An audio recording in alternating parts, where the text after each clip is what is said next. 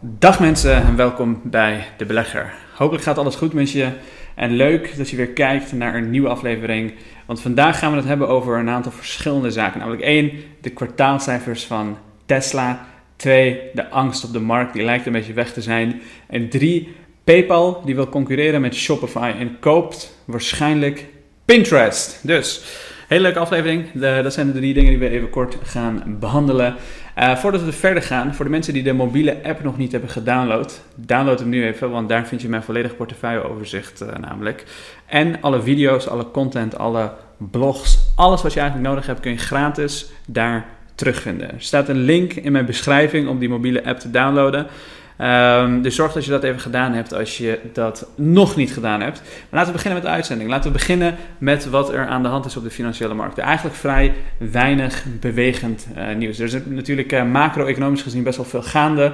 Um, de uh, wereldwijde chiptekort. We zitten nog steeds aan het einde van die COVID-pandemie, waar we langzaamaan aan het uh, uitkrabbelen zijn. Um, en er zijn nog heel veel dingen die op dit moment nog uh, lopende zijn. Maar schijnt de markt niks te kunnen deren. Want als je weet, we hebben dit al vaker besproken, de VIX-index, is iets wat de volatiliteit van de markt um, uh, kan uh, meten. En wat je eigenlijk aan het zien bent, is tijdens COVID zag je een enorme piek. Dus ongeveer 400% stijging in de VIX. Dat betekent dus dat er heel erg veel volatiliteit is. Dat we nu eigenlijk een beetje op het punt zijn waar we, of nou, veel lager zijn eigenlijk dan het punt waar we in oktober 2019 waren. En als dit soort tijden aanbreken, als die VIX zo laag is, dan zie je de markt vaak omhoog gaan. Dat heeft te maken met hoe optimistisch beleggers zijn of uh, simpelweg dat er rust is op de markt. Dat mensen denken dat het allemaal goed zit. Uh, het kan stilte voor de storm zijn, want die fix kan natuurlijk ook weer omhoog gaan als er weer iets aan de hand is. Maar op dit moment lijkt de fix um, volledig in control, volledig in rust. En dat zijn de momenten waarop de markt het gewoon heel erg simpelweg goed doet. Ook als je kijkt naar mijn portefeuille, 5000 euro in de plus vandaag.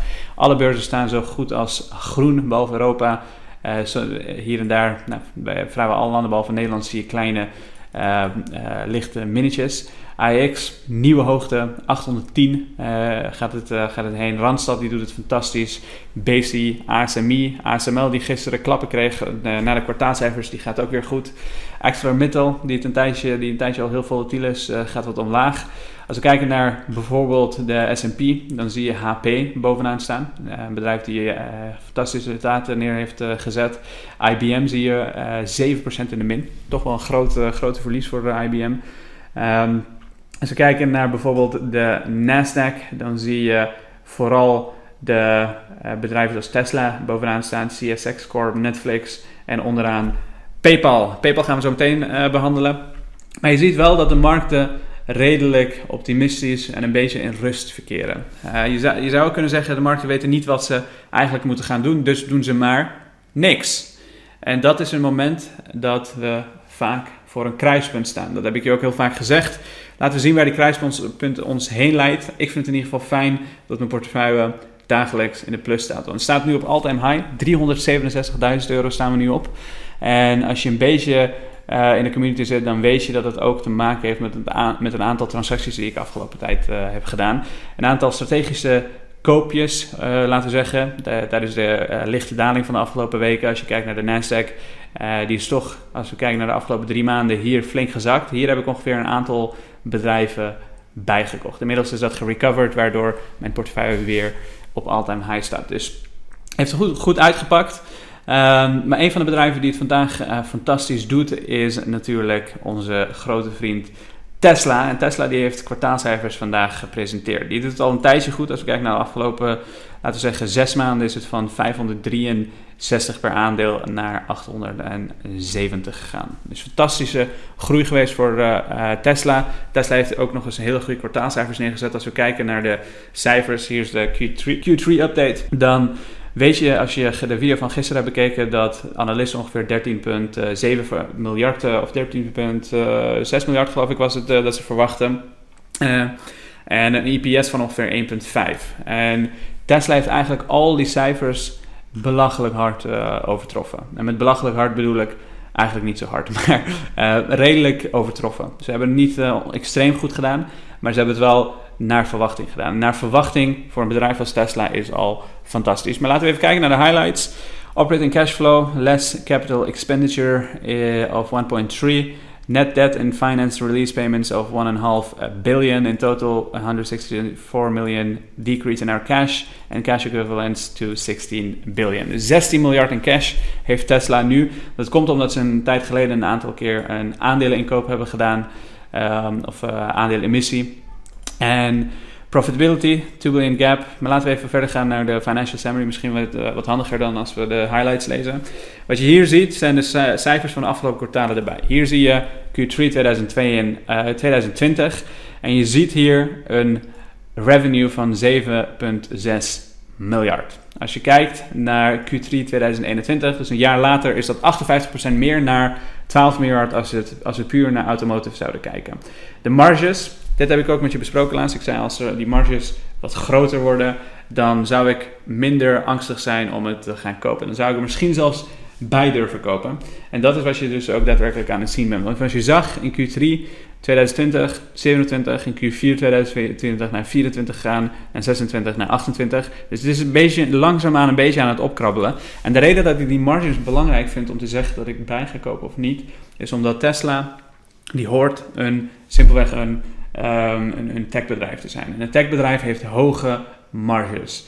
Als je een automotive bent, als je een van de tientallen automotive wil zijn, zoals BMW, zoals Daimler, zoals Ford, dan moet je daar ook naar gewaardeerd zijn. En die hebben marges van pakweg, ik denk dat de grootste marge ergens rond de 24 ligt. En dat is ook een beetje waar Tesla vorig jaar Q4 zat. Um, en dat is niet iets wat je idealiter wil zien bij een bedrijf als Tesla. Want als je die cijfers gaat doortrekken, met marges van 24%, uh, procent, dan zouden ze op zich niet zo ge, uh, gewaardeerd moeten zijn. Maar als die marges omhoog gaan, dan kan je een hele goede verklaring vinden. En misschien wel een verklaring waarbij je zegt, die waardering hoort eigenlijk veel hoger dan nu te liggen. Uh, ik zou eigenlijk die marges meer richting de 40, 50% willen zien. Ik denk dat dat wel lang duurt. Daar heb je de robotaxis bijvoorbeeld voor nodig. Daar heb je de full self-driving voor nodig, die volledig functioneert en waardoor meer mensen willen hebben. Um, en als, dat, als, dat, als ze dat voor elkaar kunnen krijgen, dan gaat die marges geheid omhoog. En ik heb al inmiddels een groot gedeelte van mijn portefeuille in Tesla zitten. En dan zou ik bereid zijn om ook nog meer bij te kopen. Ik doe het nog niet, want dit is natuurlijk uh, fantastisch om te zien. Maar ik denk dat het veel, veel, veel en veel hoger moet. Um, maar dat is wel fantastisch om te zien dat die marges dus omhoog gaan. En dat mijn analyse blijft kloppen. En dat ik Tesla blijf bezitten en misschien zelfs ga bijkopen als het omhoog gaat. Totale revenue 13,7 miljard. Dat is boven verwachting, boven wat analisten hadden verwacht. Niet extreem veel boven, maar in ieder geval boven. Dus dat is 57% uh, groei. Uh, als we kijken naar de EPS, of de, terwijl de uh, winst per aandeel ongeveer 1,5 werd verwacht, 1,86 is een increase van 145%. Dus dat is belachelijk goede cijfers. Heel tof om te zien. Um, vooral tof om te zien omdat je ziet dat er een ASP decline is. Als je, als je niet weet wat dat is, dat is de average sales price. En dat komt omdat ze Model 3 hebben geremd. Model 3 kost wat minder dan al die andere luxere uh, varianten. Uh, en daardoor zie je de ASP simpelweg dalen. Je ziet ook dat Model S en Model X production met bijna 50% is gezakt. Ook het aantal deliveries is met 40% gezakt. Dus die dingen worden weer simpelweg minder gemaakt en minder besteld ook. Terwijl als je kijkt naar Model 3, dan zie je 87% increase. Um, dus dat is, uh, ja, dat is simpelweg hoe het bedrijf op dit moment uh, in elkaar steekt. En uh, de echte katalysatoren zullen de full self-driving, robotaxis en dat soort dingen zijn. Die zorgen voor hogere marges. En daarmee onderscheidt een bedrijf als Tesla zich. Want ze, marges de, de, de reden dat ik dat zo belangrijk vind is één, je kan grote marge uh, verdienen op iets als je een hele goede merk hebt. Denk aan een Apple, die bijvoorbeeld tegenwoordig zelfs een stukje, uh, een, een, een, ja, een doekje verkoopt, zeg maar, om, voor 19 euro. Om, alleen omdat het merk Apple uh, erop staat. En daar pakken ze hele grote marges op. Of je hebt een significant beter product en een hele goede Um, uh, goed, product wat heel anders is dan andere bedrijven. En dat is iets wat Tesla dus met full self-driving en dat soort dingen voor elkaar kan uh, gaan krijgen. En marges, dat is, uh, ja, dat is simpelweg iets wat gewoon simpelweg belangrijk is voor een bedrijf als Tesla om zich überhaupt te kunnen onderscheiden tussen alle andere automakers die op dit moment ook ontzettend veel aan het investeren zijn om Tesla ook daadwerkelijk in te halen. Dus dat is heel, heel tof om te zien dat ze daar goede, um, gedegen um, ja, progressie in maken, om het zo te zeggen. Verder, energy storage, zie je 71% year-on-year growth. Dat is ook interessant om te zien. Ik denk dat, ja, dit is nog een hele kleine business natuurlijk voor uh, Tesla, maar het kan over de lange termijn uh, heel hard groeien. Solar is, naar mijn mening, goed, zo goed als verwaarloosbaar op dit moment. maar nog een uh, catalyst of uh, nog iets wat Tesla ook daadwerkelijk uh, groot zal gaan maken in de toekomst en ook de revenue streams bijvoorbeeld kan diversifiëren, is de insurance gedeelte. En dat is iets wat, wat ze op dit moment aan het uitrollen zijn. Ze hebben iets als de safety score geïntroduceerd en die zorgt ervoor dat ze makkelijker en goedkoper bedrijven um, een, een, een, verzekering kunnen geven, een autoverzekering die straight van, van Tesla zelf komt. Daarnaast, wat um, ook interessant is, is zijn de gigafactories. Dit is de gigafactory in Berlijn, waar heel veel bomen voor zijn gekapt. En heel veel, uh, ja, heel veel Duitsers waren het er niet mee eens dat die er zou moeten komen. Daar hebben ze een hele fair georganiseerd met zo'n uh, reuzenrad en uh, noem het maar op. Um, dat, is, dat is wel grappig om te zien. Ik ben benieuwd of de Duitsers daarvoor te paaien zijn. maar zo te zien zijn er best wel veel mensen, dus dat zal wel goed moeten komen.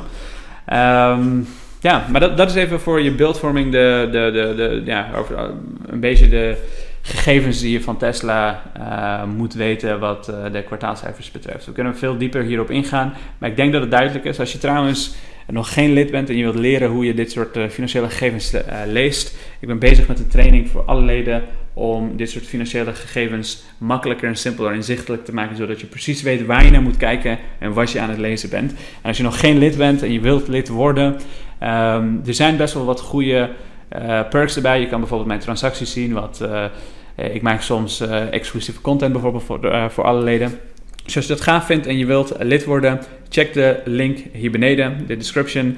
Daar heb ik een kortingscode voor je van 50 euro die je kunt gebruiken om lid te worden. Dus mocht je het overwegen, um, zorg dan dat je die code gebruikt. Anders dan betaal je de volle pond. En dat is, dat is niet fijn. Maar laten we uh, verder gaan, laten we verder gaan naar PayPal en Pinterest. Laten we kijken wat daar aan de hand is. Inmiddels zie je mijn portefeuille trouwens naar 4.3k in de plus uh, staan.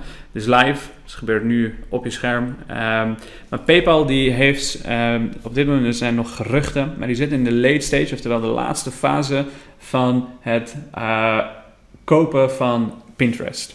Dus als je kijkt, PayPal is in de late stage of talks to acquire Pinterest. Pinterest is in de late stage. Ja. In ieder geval, ze, ze willen Pinterest gaan kopen. Dus ongeveer 39 miljard dollar.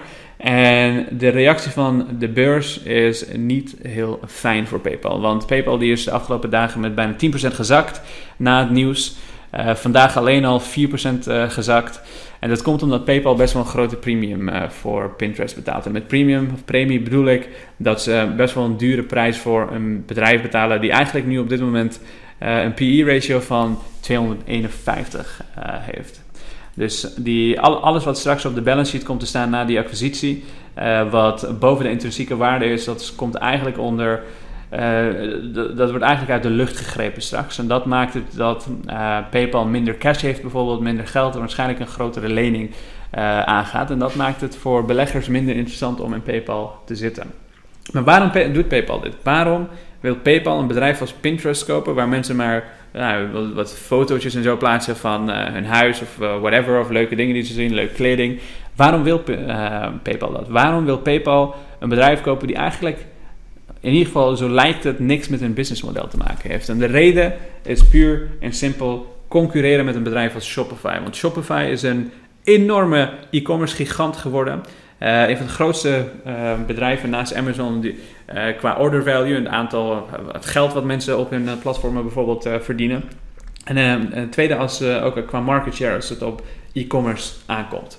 En dat zorgt ervoor dat Shopify ook in een positie is waarbij ze bijvoorbeeld dingen kunnen aanbieden die PayPal ook aanbiedt. Bijvoorbeeld een payment systeem waarmee uh, mensen kunnen betalen hun eigen payment systeem. Dat maakt Shopify denk ik ook op de lange termijn ontzettend sterk. Daar zijn ze niet meer afhankelijk van bedrijven als Adyen, zoals PayPal, of uh, Stripe. Maar dan hebben ze een eigen payment systeem die uh, kopers en verkopers kunnen gebruiken. Um, daarnaast wat Shopify ook erg uh, doet, is concurreren met PayPal door met hun concurrenten samen te werken. Denk aan een bedrijf als Affirm, waar je buy now, pay later uh, mogelijkheden hebt. Dus PayPal die wil kunnen concurreren met Shopify en die koopt Pinterest om Pinterest een soort webwinkel te laten zijn waar alle betalingen via PayPal en dat soort dingen uh, gebeuren. En ook kunnen mee gaan concurreren met Shopify. Dus heel interessant hoe dit gaat uitpakken. Zeker voor mij als Shopify-belegger, iemand die in Shopify heeft gezeten vanaf 70 per aandeel, die nu keer 20 is gegaan. Uh, ben ik benieuwd hoe dit uh, gaat uitpakken. Maar ik hou jullie hier op de hoogte als er meer nieuws is. En daarmee dank voor het kijken. Laat me weten wat je van dit soort video's vindt. En nogmaals, Heel veel mensen kijken mijn video's, maar heel weinig mensen laten een like achter. En dat is uh, zonde, want ik wil dat meer mensen dit soort content zien. Meer mensen die gave content zoals dit zien. En daarmee help je ook mijn kanaal om voor een breder publiek toegankelijk te zijn. Dus laat die like achter en dank voor het kijken.